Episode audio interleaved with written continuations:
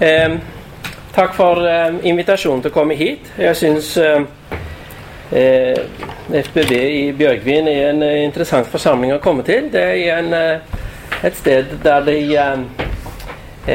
går an å føre gode diskusjoner om vesentlige spørsmål, har jeg funnet ut. Så en invitasjon til å komme hit er noe jeg setter pris på. Eh, Forholdet mellom stat og kirke er i endring. Det er i utgangspunktet, slik vi vet, og slik Jan snakket om. Eh, eh, den konstantinske stats- og folkekirkelighet har vært et premiss for europeisk kirkehistorie i 1700 år. Eh, er den epoken over, og hvilke utfordringer stiller det oss overfor? Dette er et spørsmål som ikke bare opptar oss, det har også bl.a. opptatt avgående professorer ved MF, som i løpet av en periode på mindre enn ett år hadde to avskjedsforelesninger over dette emnet. Og En av de er Bernt Oftestad, som kommer hit i morgen, og som i mellomtiden til og med har skrevet en liten bok om temaet for sin avskjedsforelesning. Den andre var Oskar Skarsaune. og eh, I hans tilfelle så var jo eh, temaet for hans avskjedsforelesning det var til forveksling likt det temaet jeg har fått oppgitt her nå.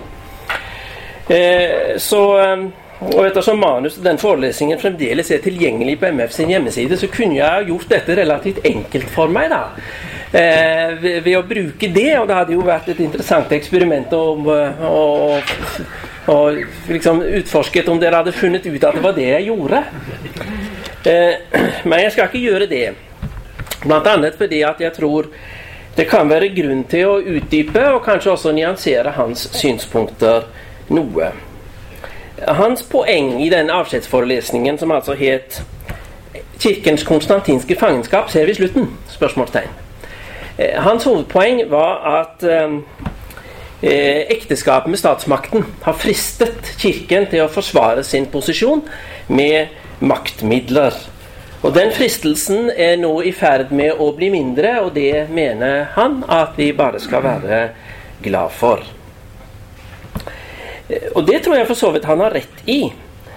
Eh, men det staten er ute etter å oppnå når den gir Kirken en privilegert posisjon, det kan endre seg, og har også endret seg en god del.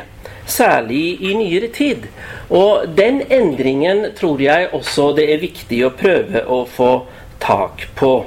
Ellers så skjønner vi ikke helt hva som ligger og har ligget i den konstantinske kirkelighet. Så det jeg skal prøve å si noe om, er altså premissene for Kirkens politiske rolle gjennom den konstantinske epoke. Og eh, hvordan dette har endret seg. Hvorfor fikk vi en konstantinsk stats- og folkekirke? Hvordan påvirket det forholdet mellom kirke og samfunn? Hvilke målsettinger var det den konstantinske kirke eh, hadde? Eh, og hvilke målsettinger er det den skal tjene i dag? Det skal jeg altså prøve å si noe om eh, i en eh, tre-fire hovedpunkter. Eh, vi kan si ca. tre pluss en konklusjon. Eh, og da eh, skal jeg gå på eh, første hovedpunkt, som jeg har kalt for Kirkens inkarnasjonsbaserte virkelighetsforståelse. Nå ser jeg folk begynner å gå, men det, jeg tror ikke jeg skal ta det, jeg tror ikke jeg skal ta det personlig. Konstantin gav kirken dens privilegerte stilling fordi han trengte den som politisk enhetsfundament. Og det var etter hans oppfatning ingen annen institusjon som kunne fylle den oppgaven. Men samtidig så skjønte Konstantin og de nærmeste etterfølgende keisere at skulle Kirken kunne fylle denne funksjonen, så måtte den få et visst rom til å definere sin egen selvforståelse og sin egen målsetting. Eh, en kirke som er i strid med seg selv eller har en påtvunget posisjon, er ikke et tjenlig enhetsfundament. Eh, og fordi Kirken fikk denne friheten så ble ikke den konstantinske epoke bare kristianisering med tvangsmidler og uttrykk for, eh, for det politiske behovet for å sikre samfunnets enhet ved hjelp av den ideologi som tilfeldigvis var for hånden.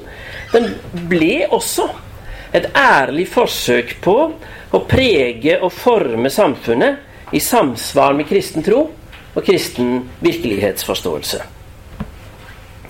Og Denne virkelighetsforståelsen tror jeg vi kan si var avgjørende preget av inkarnasjonstanken som det sentrale kristne dogme. I og med forståelsen av Jesus som Gud og menneske, som skapt og uskapt, så ble verden kvalifisert som stedet for Guds nærvær. Og det på en måte som fikk avgjørende betydning for kristen spiritualitet og kristen etikk. Ut fra den kristne tro er adekvat religiøsitet ikke det som den var i kirkens eh, hedenske, opprinnelige hedenske omverden, nemlig å forstå som menneskets forsøk på å realisere sitt latente potensial for guddommelighet. Å guddommeliggjøre seg selv, så å si. Men Tanken var at Gud, som har skapt verden, har åpenbart seg for oss selv, for, for oss ved selv å bli en av oss, og slik invitere oss inn i fellesskap med seg. Og Menneskets verdi bekreftes på denne måten, både ved at det er skapt i Guds bilde, og fordi Jesus ble menneske, og fordi Jesus led døde og sto opp fra de døde for å føre mennesket tilbake på sin plass i Guds rike. Slik sett er det nær sammenheng mellom inkarnasjonstanken som Kirkens sentrale dogme og nestekjærlighetsbudet som det sentrale orienteringspunkt i etikken. Og Dette er perspektivet som har hatt atskillig innflytelse gjennom Vestens historie, og som på mange måter fremdeles i stor grad preger de vestlige, liberale og demokratiske samfunn. Men skal dette systemet basert på inkarnasjonstanken fungere etter sine premisser, så forutsetter det at det som Søren Kjerkegaard kaller for den uendelige kvalitative forskjellen mellom Gud og menneske, at den forskjellen fastholdes som det grunnleggende orienteringspunktet. Forskjellen mellom skaper og skaperverk må bestå som et fundamentalt orienteringspunkt. Gud er uendelig. Det skapte er begrenset. Gud er evig. Det skapte befinner seg i tiden. Derfor er det umulig å bygge en adekvat gudserkjennelse på menneskets fornuft og erfaring. Begge er av gode grunner bundet til det skapte og utfolder seg best der. En gudserkjennelse som har et innhold, må bygge på at Gud selv gir seg til kjenne innenfor rammen av det skapte. Det forutsetter altså en åpenbaringstanke. Dette innebærer at fornuften tildeles en sekundærrolle. Det kan nok brukes til å gjennomtenke åpenbaringen eh, og dens forutsetninger og konsekvenser. Eller så ville f.eks. verken dette foredraget eller dette seminaret være mulig å gjennomføre. Men den kan ikke brukes til en selvstendig begrunnelse av gudsforståelsen. Da må en bruke fortellingen om Guds åpenbaring av seg selv. Denne virkelighetsforståelsen, som jeg vil mene er forholdsvis presist framstilt allerede i Bibelen, er det som informerer den kristne bekjennelsesdannelsen og alle seriøse forsøk på kristen teologisk tenkning både i øst og i vest fram til senmiddelalderen. Når denne relativt ambisiøse inkarnasjonsteologien fikk styre Kirken og dermed også prege samfunnet såpass lenge, så er den konstantinske statskirke i ikke helt liten grad å takke for det. For det første så ville de store kirkemøtene på 300- og 400-tallet, som sterkt bidro til å befeste denne inkarnasjonstenkningen som kirkens læremessige fundament, den ville neppe vært mulig uten Konstantins reform. Det er vanskelig å tenke seg konsilene i Nikea og Konstantinopel gjennomført innenfor rammen av en forfulgt minoritetskirke. Dessuten stilte keiseren seg, riktignok etter hvert med visse sånne politisk motiverte unntak, men keiserne stilte seg i det store og det hele i rimelig grad bak bekjennelsestekstene fra Konstantinopel og Karkidon. Hvis Kirken skulle være samfunnets enhetsfundament, så måtte Kirken selv være enhetlig. Og det kunne den bare være om konsilenes læreavgjørelser hadde reell betydning. Derfor var det viktig, i hvert fall i noen grad, også for keiseren. Derfor så er det neppe tvil om, tror jeg, at statskirkeligheten i denne fasen bidro til å begrense den læremessige pluralismen i Kirken. Denne relativt enhetlige tenkningen om den uendelige forskjellen mellom Gud og menneske. Og broen mellom de to bare kan etableres ved et initiativ fra Guds side. Den begynner å slå ganske store sprekker i den teologiske tenkning på 1300-tallet. Primært da, ikke før. Interessant nok skjer det gjennom den tankeretning som allerede i sin samtid ble kalt for via moderna. Det ligger nesten noe profetisk i betegnelsen. Og Det skjer i første omgang ikke ved noen form for kritikk av det etablerte kirkelige dogme, men ved at dets grunnleggende forutsetninger ikke lenger tas for gitt. Forståelsen av den uendelige og derfor begrepsmessig ubegripelige forskjellen mellom Gud og menneske oppgis. For første gang i Kirkens historie så begynner en å tenke om Gud og menneske som to ulike størrelser innenfor ett felles, homogent, overordnet begrep om virkelighet. Gud og menneske plasseres slik på det vi kan kalle for samme ontologiske nivå eh, og tenkes i prinsippet å ha samme type egenskaper. Gud har bare mer av de. Mennesket har makt, Gud er allmektig. Eh, mennesket har innsikt, men Gud er allvitende. Eh, det er i prinsippet egenskaper på samme nivå. Gud har bare mer av de. En gradsforskjell og ikke en vesensforskjell. Og det åpner for en helt ny måte å forstå menneskets frelse på. Nemlig som et resultat av en forhandling. Jeg yter det, du yter det, og så blir vi enige til slutt. Samtidig har en åpenbart kjent på et behov for å fastholde tanken om Guds annerledeshet. Og det kan på de premissene en her opererer med, bare gjøres ved å hevde at Gud også har mer frihet enn mennesket har. Derfor er han til syvende og sist heller ikke bundet av den forhandlingsløsning han har gått inn på.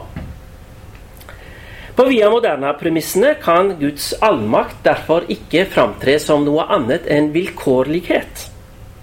Gud frelser den som gjør så godt han eller hun kan, dersom det er det Gud til syvende og sist vil.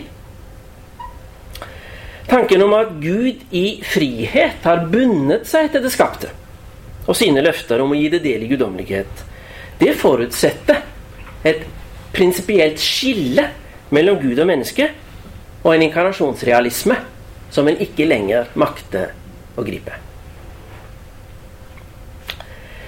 Antagelig, det er i hvert fall veldig nærliggende å tenke seg det, at denne kompromissteologien henger sammen med at Kirkens politiske stilling nå er i ferd med å svekkes. Jeg tror ikke det er tilfeldig at Via Moderna-retningen blir til samtidig med at paven må dra i eksil til det som ble kalt hans babylonske fangenskap i Avignon. Forståelsen av Kirken som formidler av en åpenbaring, forankret i den uendelige kvalitative forskjellen mellom skaper og skaperverk, mister sin politiske plausibilitet og troverdighet. Og i stedet for å, da, å fortsette å begrunne Kirkens annerledeshet med åpenbaringen, slik både den førkonstantinske og den konstantinske kirke inntil da hadde gjort, så forsøker en i stedet å utvikle en teologi som svarer til de endrede maktrelasjonene mellom kirke og stat. Det var lite vellykket. Både fordi det var utilstrekkelig begrunnet i Kirkens eget lærefundament, og fordi de politiske autoriteter heller ikke kan forventes å ville respektere en kirke som ikke engang selv tar sitt gudgitte fundament på alvor. Å kjøpe politisk innflytelse gjennom avkortning av sitt eget læregrunnlag, det er for Kirken alltid en kortsiktig strategi. En kirke som ikke insisterer på å stå på sitt La seg mye lettere bruke, eller eventuelt misbruke, på statens egne premisser. Og Derfor fikk den senmiddelalderlige kompromissteologi i første omgang også relativt kort levetid, noe som ikke minst skyldes Martin Luther og de verdenshistoriske konsekvensene av hans evangeliske gjennombrudd.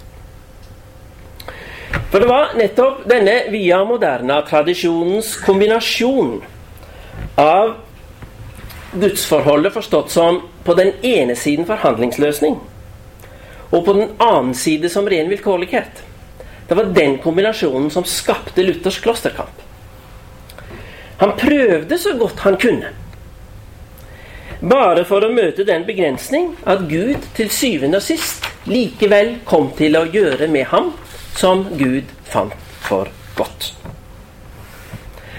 Luthers løsning på det problemet det var et radikalt og storstilt forsøk på å gjeninnsette den oldkirkelige, inkarnasjonsbaserte forståelse av Guds annerledeshet som fundamentet for lære og liv i kirke og samfunn. Nåde alene-prinsippet ivaretar for Luther det asymmetriske ved Guds relasjon. I forholdet mellom Gud og menneske er Gud alltid den som gir, og mennesket alltid den som mottar. Her er det ikke rom for forhandlingsløsning. Det sikrer også åpenbaringens forrang framfor fornuften, som holdes på plass i sin tjenerrolle.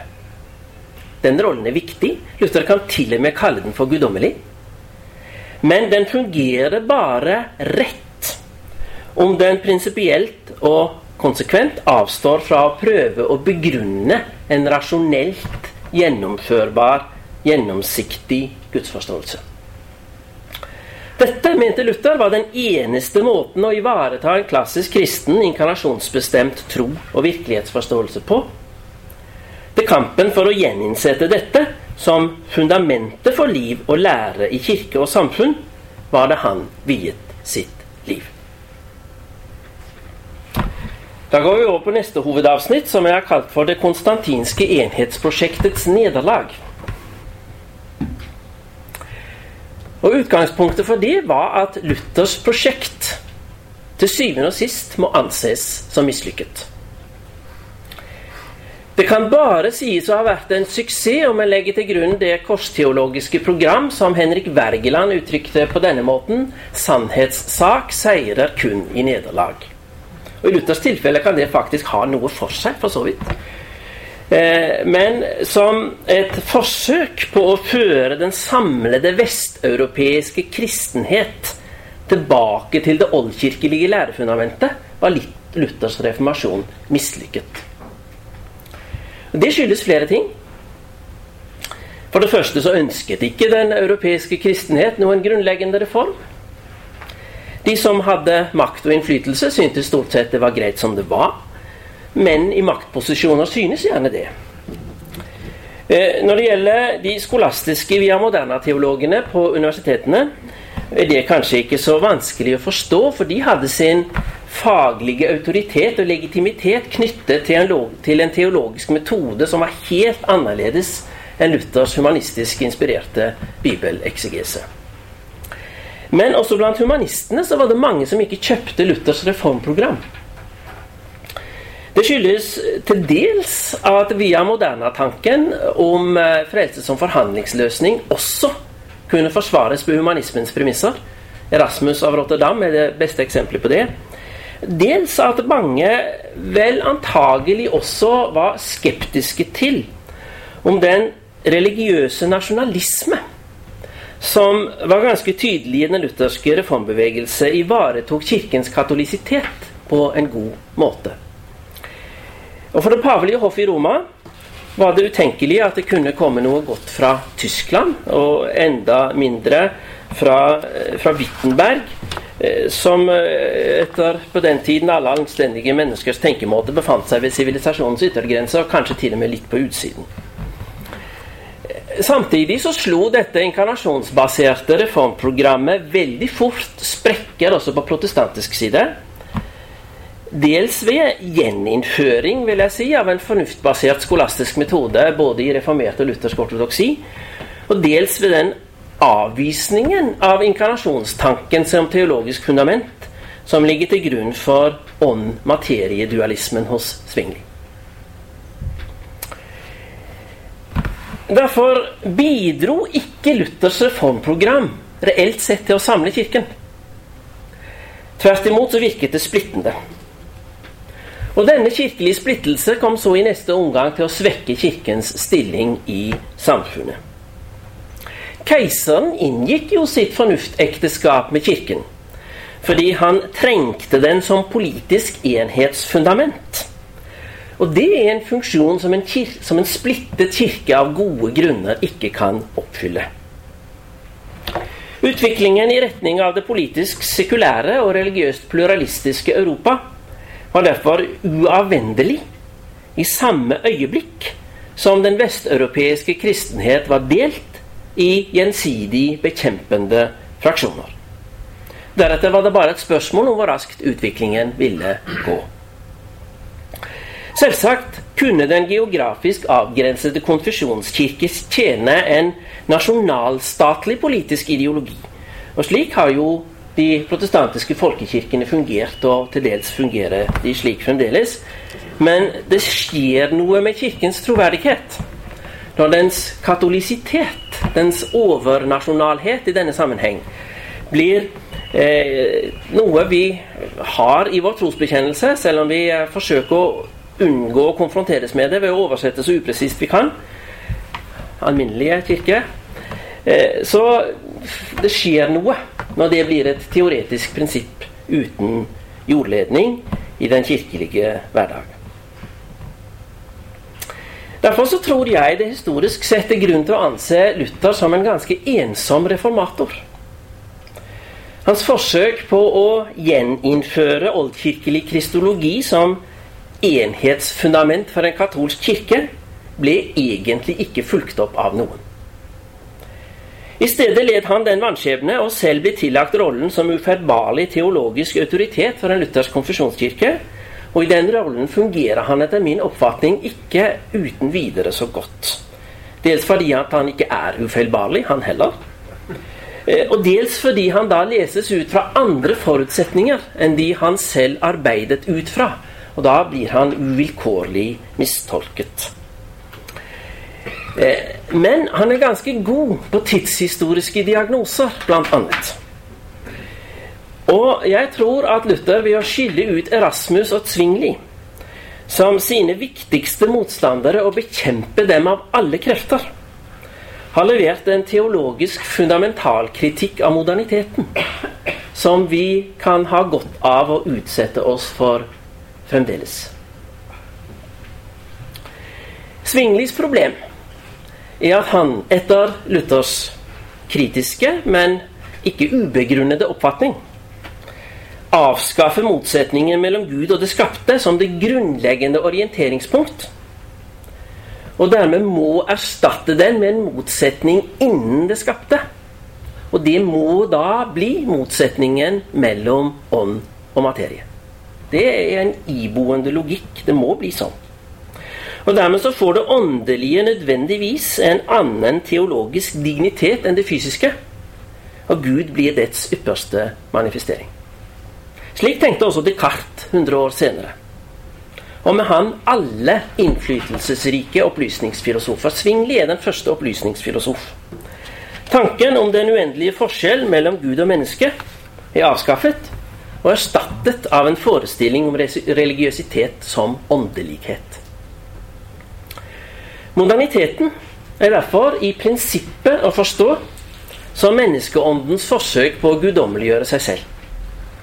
Ved å gjennomforske, betvinge og underlegge seg den fysiske virkelighet.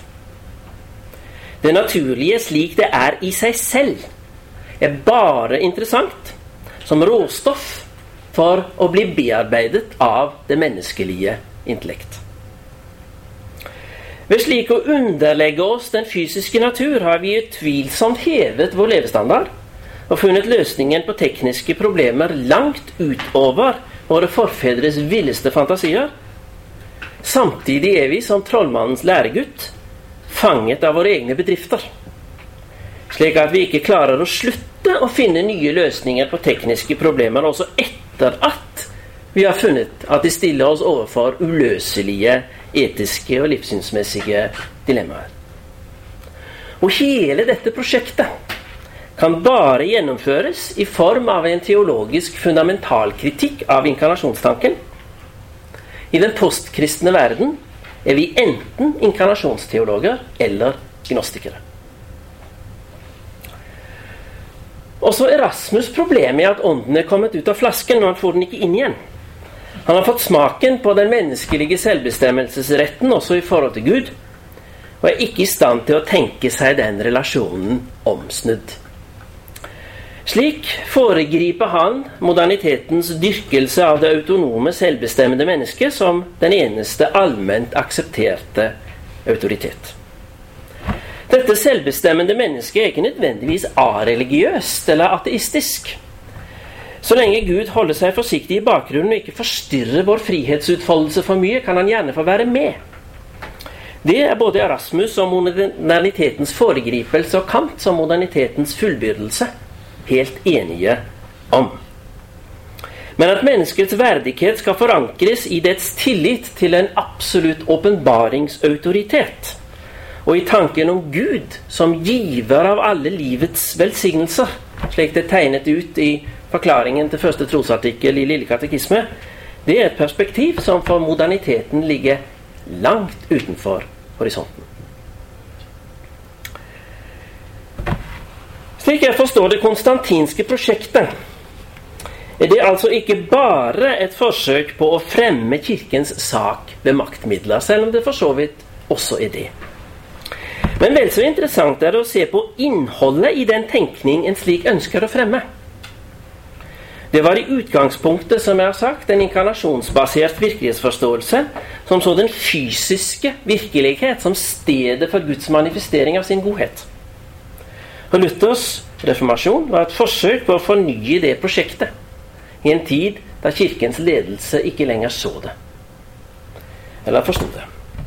Det mislyktes. Og gnostisk spiritualitet, slik den ble fremmet av Svingli og Descartes, og budskapet om det autonome mennesket, slik det ble fremmet av Erasmus og Kant, ble modernitetens livssynsmessige kjennetegn. Det konstantinske prosjektet, slik det opprinnelig framsto, hadde altså også havarert. Når staten under moderniteten fremdeles har bruk for Kirken, skjer det altså på helt andre premisser enn dem som i utgangspunktet lå til grunn for den konstantinske statskirkelighet. Og Da skal jeg gå over til å si noe om det. Tredje hoveddel modernitetens alternative enhetsprosjekt. Nå kan en jo selvsagt argumentere for at en naturlig konsekvens av dette ville ha vært at eh, en fra opplysningstiden hadde avskaffet statskirken. Det skjedde da også i de to store revolusjonene på 1700-tallet, den amerikanske og den franske. Men de forsøkene fristet av ulike grunner ikke til gjentagelse.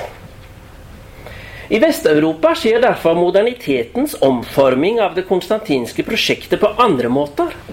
Dels ved at religionsfriheten i økende grad gir rom for annen religiøsitet, annen religiøs aktivitet ved siden av statskirken. Dels ved at staten i økende grad viser seg ubundet av en kristen virkelighetsforståelse og etter hvert også får mot til å prøve å bruke Kirken aktivt for å fremme modernitetens idealer. Helt avskaffet blir Konstantins prosjekt på disse premisser først når Kirken får så liten oppslutning at den ikke lenger er politisk interessant. Og Dit er vi ikke enda, i hvert fall ikke i Skandinavia. I Norge kan vi følge denne utviklingen gjennom innføringen av dissenterloven i 1845, innføring av parlamentarisme i 1884, avskaffelsen av den kirkelige ekteskapsretten ved ekteskapsloven av 1918, opphevelsen av den konfesjonsbundne kristendomsundervisningen i kirken i skolen i 1969, eh, innføringen av lov om selvbestemt abort i 1975 og innføringen av samkjønnet vigsel ved revideringen av ekteskapsloven i 2008. Og De to siste er nok på mange måter de mest entydige. Abortloven og siste revisjon av ekteskapsloven. Fordi de så tydelig dokumenterer det autonome menneskets ubegrensede vilje til ikke å underlegge seg naturgitte begrensninger. Kirken har nok protestert mot denne utviklingen, men staten har langt på vei klart å begrense protesten. Dels ved å love Kirken økt indre selvstyre om den ikke utfordrer staten for mye. Og dels ved å begrunne modernitetens omforming av det konstantinske programmet med argumenter som også har en form for kristelig legitimitet. Moderniteten framstår nemlig normalt ikke som antikristelig, men som sekularisert kristelighet. For deler av den kristne tro tas ut av sin sammenheng og gis ny betydning. Men uten at det opprinnelige troselementet nødvendigvis blir helt borte. Og dermed fremdeles kan brukes til begrunnelse for det nye. Og Slik blir det ikke så lett for Kirken å protestere, for protesterer en ikke da også mot deler av sitt eget trosgrunnlag? Modernitetens sekulariseringsprosjekt manifesterer seg derfor normalt ved at en velger ut de deler av det kristelige som en synes passe, og som lar seg forene med det vi kan kalle for modernitetens to absolutter. Troen på åndens seier over materien, og på menneskets seier over alle naturgitte begrensninger. I den politiske tenkning så skiller det seg ganske raskt ut to måter å gjøre, på det, gjøre det på. Den absolutistiske, som tar utgangspunkt i forståelsen av mennesket som en synder. Med hjelpeløst utlevert til sine impulsers kaos. Om ikke fyrsten eller diktatoren kan ordne opp.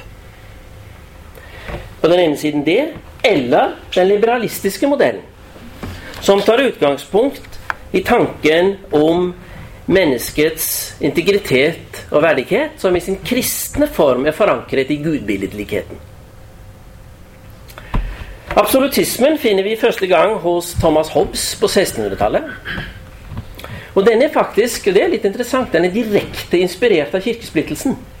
For det var den engelske borgerkrigen mellom puritanere og anglikanere som overbeviste Thomas Hobbes om at mennesket over, overleverte sine naturlige impulser, eh, ville komme til å bekjempe hverandre, om ikke den sterke mann kom og stiftet fred.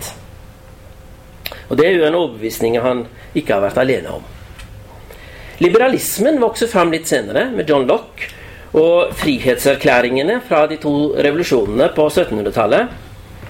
Her er tanken om at den voksende livssynsmessige pluralisme skal håndteres ved at staten verner om individets rett til å søke lykken slik det finner for godt. Altså til syvende og sist teologisk sett forankret i gudbilledligheten. Og Dette er det ideologiske fundamentet for den liberale demokratiske rettsstat og første del av menneskerettighetserklæringen med dets fokus på religionsfrihet, demokratisk ytringsfrihet, eh, forsamlingsfrihet. Her er det altså gudbilledligheten som er det opprinnelige ideologiske fundamentet. Både absolutisme og liberalisme kan på sine premisser fungere rimelig bra. Det opplyste eneveldet trenger ikke bli et terrorvelde. Og det liberale demokrati trenger ikke utdyrke, utartet, rendyrket libertinisme. Men begge deler forutsetter at den teologiske forankring av det politiske i en viss forstand består. Det forutsetter at det kristelige, om enn avvist i prinsippet, i praksis likevel får lov å fortsette som en stilltiende akseptert premissleverandør. Når det blir borte, gir både absolutisme og liberalitet rom for en ideologisk overstyring som i realiteten uttrykker en forakt for det fysiske og naturlige som stedet for Guds nærvær. At sekulære, absolutistiske ideologier i det 20. århundret kom til å fungere slik, det ser de fleste i dag. At det nå først og fremst er islam i dagens verden som fungerer absolutistisk, er en interessant påminnelse om at dette ikke primært er en konflikt mellom sekulære og religiøse fortolkninger av virkeligheten, men av ulike former for teologi. Islam har ingen lære om Guds menneskelighet. Og det er nærliggende å tenke seg at det gjør absolutisme til en fristelse en i den sammenheng lettere fall for.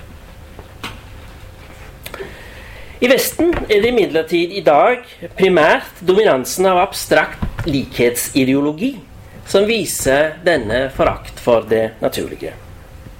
Alle skal i prinsippet ha frihet til å organisere sine liv som de vil. Og de problemer som da oppstår, løses ved teknologi. Det er en unaturlig og irrasjonell måte å innrette seg på.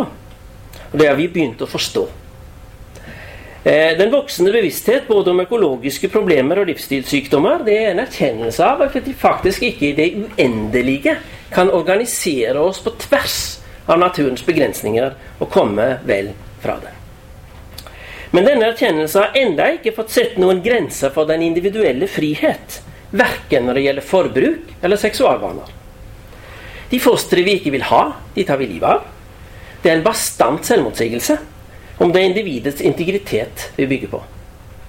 Og for dem som insisterer på sin rett til å følge sin seksuelle preferanse, også om den gjør det umulig å få barn etter naturmetoden, eller for dem som av andre grunner har samme problem, så tar vi fremdeles vår tilflukt til prinsippet om menneskeåndens ubegrensede herredømme over materien, og erklærer høyteknologisk barneproduksjon for legitimt. Her tas ingen smålige hensyn, verken til naturens eller barnets integritet. Og som ikke minst Oftestad har gjort uh, oppmerksom på, bl.a. i den boken jeg viste til, når kritikk av slik tenkning marginaliseres i stedet for å imøtegås med argumenter, så nærmer også liberalismen seg en absolutistisk måte å tenke på. Slik at vi havner i en form for totalitær liberalisme. Samtidig fortsetter forsøket på å levere en kristelig begrunnelse for fornuften i dens nye fase. Eh, selv om det forsøket nå begynner å bli så tynnslitt og overanstrengt at en skulle tro at selv dens tilhengere begynner å se akkurat det. Når den liberale abortpraksis begrunnes i omsorg for mødrene, og liberalistisk seksualetikk med omsorg for kjærligheten, så er det et eller annet som skurrer, men det er ikke uten videre så lett å argumentere mot det. For hvem av oss er det, fram, er det som vil framstå som kyniske og kjærlighetsløse? I realiteten er det imidlertid modernitetens forsvarere som skyver omsorgen og kjærligheten foran seg i sine forsøk på å gi den moderne gnostisisme, også på sitt mest antikristelige, en form for kristelig legitimering. Og for stats- og folkekirkelighetens forsvarere til å innse at dette endrer det konstantinske prosjektet til å bli noe nær det motsatte av det, det opp, den hensikt det opprinnelig hadde, det er ikke enkelt. Det er alltid vanskelig å få mennesker til å gjennomskue de legitimeringsmekanismene som de bygger sin egen maktposisjon på. Selv om autonomiprosjektets innebyggende selvmotsigelser nå etter hvert begynner å bli nokså iøynefallende. En antropologi langs linjen fra Erasmus til Kant, og jeg tror faktisk vi kan forlenge den til Nietzsche, forutsetter at mennesket skaper sin egen virkelighet. Det blir dermed det voksne, rasjonelle individ som blir menneskeverdets målestokk. At det skaper et samfunn hvor barn produseres og kastes etter behov, er da ingen unaturlig konsekvens. Men en skal ha ganske god fantasi om en skal se det som en oppfyllelse av det liberale prinsipp om menneskets iboende verdighet og ukrenkelighet. Og enda større fantasi for å forstå dette som en realisering av den bibelske tanke om alle mennesker som skapt i Guds bilde. Da skal jeg gå inn for landing. Bare noen få avsluttende bemerkninger. I den konstantinske æra slutt Det er jo det dette foredraget handler om, så jeg skal forsøke å minne oss om det sånn helt avslutningsvis. Den viktigste forskjell fra 300-tallet, da den konstantinske æra begynte, er at vi nå står overfor en mye mer livssynsmessig ambisiøs stat. Som aktivt fremmer en gnostisk religiøsitet. Og det å utvide rommet for det autonome menneskets beherskelse av det naturgitte er det overordnede politiske ideal. Det er imidlertid i seg selv ikke et svar på spørsmålet om den konstantinske æra er slutt. For det er ingenting som tyder på at staten har gitt opp sin tanke om å bruke Kirken til å fremme sin egen ideologi. Grunnlovens statskirkeparagrafer er nå riktignok opphevd, og vi har fått en rimelig grad av kirkelig selvstyre. Norske kirke skal snart utnevne sin første biskop, som gikk ut oppnevnt av regjeringen. Men Den norske kirkes politisk begrunnede særstilling blant norske religionssamfunn består fremdeles. Og det er ingen grunn til å anta at dette vil endre seg vesentlig med det første. Politikerne trenger fremdeles Kirken. Grunnlovsendringene markerer derfor i seg selv ingen avslutning av den konstantinske epoken. Om man derimot forstår den konstantinske æra primært som statlig medarbeiderskap, når det gjelder å sikre en bred innflytelse fra en kristen inkarnasjonsforankret virkelighetsforståelse, så ble det konstantinske prosjektet i prinsippet avsluttet med opplysningstiden, og resten har bare vært en effektuering av avviklingen. Det er altså helt urealistisk å forvente at den utviklingen vil la seg snu, bl.a. fordi det fordrer at Kirken gjengis mulighet til å fremme sin sak med maktmidler den i dag ikke har, og som det er gode grunner til å ønske den ikke får tilbake. Hvilke muligheter gir så økt kirkelig selvstyre for å styrke den kirkelige kritikk av modernitetens livssynsmessige selvmotsigelser? Ikke så veldig store, tror jeg. Men eh, jeg kan jo la meg inspirere i positiv retning av forsamlingen. Eh, tanken om å prøve å sikre Kirken i hvert fall et minimum av innflytelse gjennom tilpasning til det allment aksepterte, er såpass vel innøvd etter hvert, og så langt inn i frikirkeligheten, vil jeg tro, at det er vanskelig å tenke seg en endring av det mønsteret på kort sikt.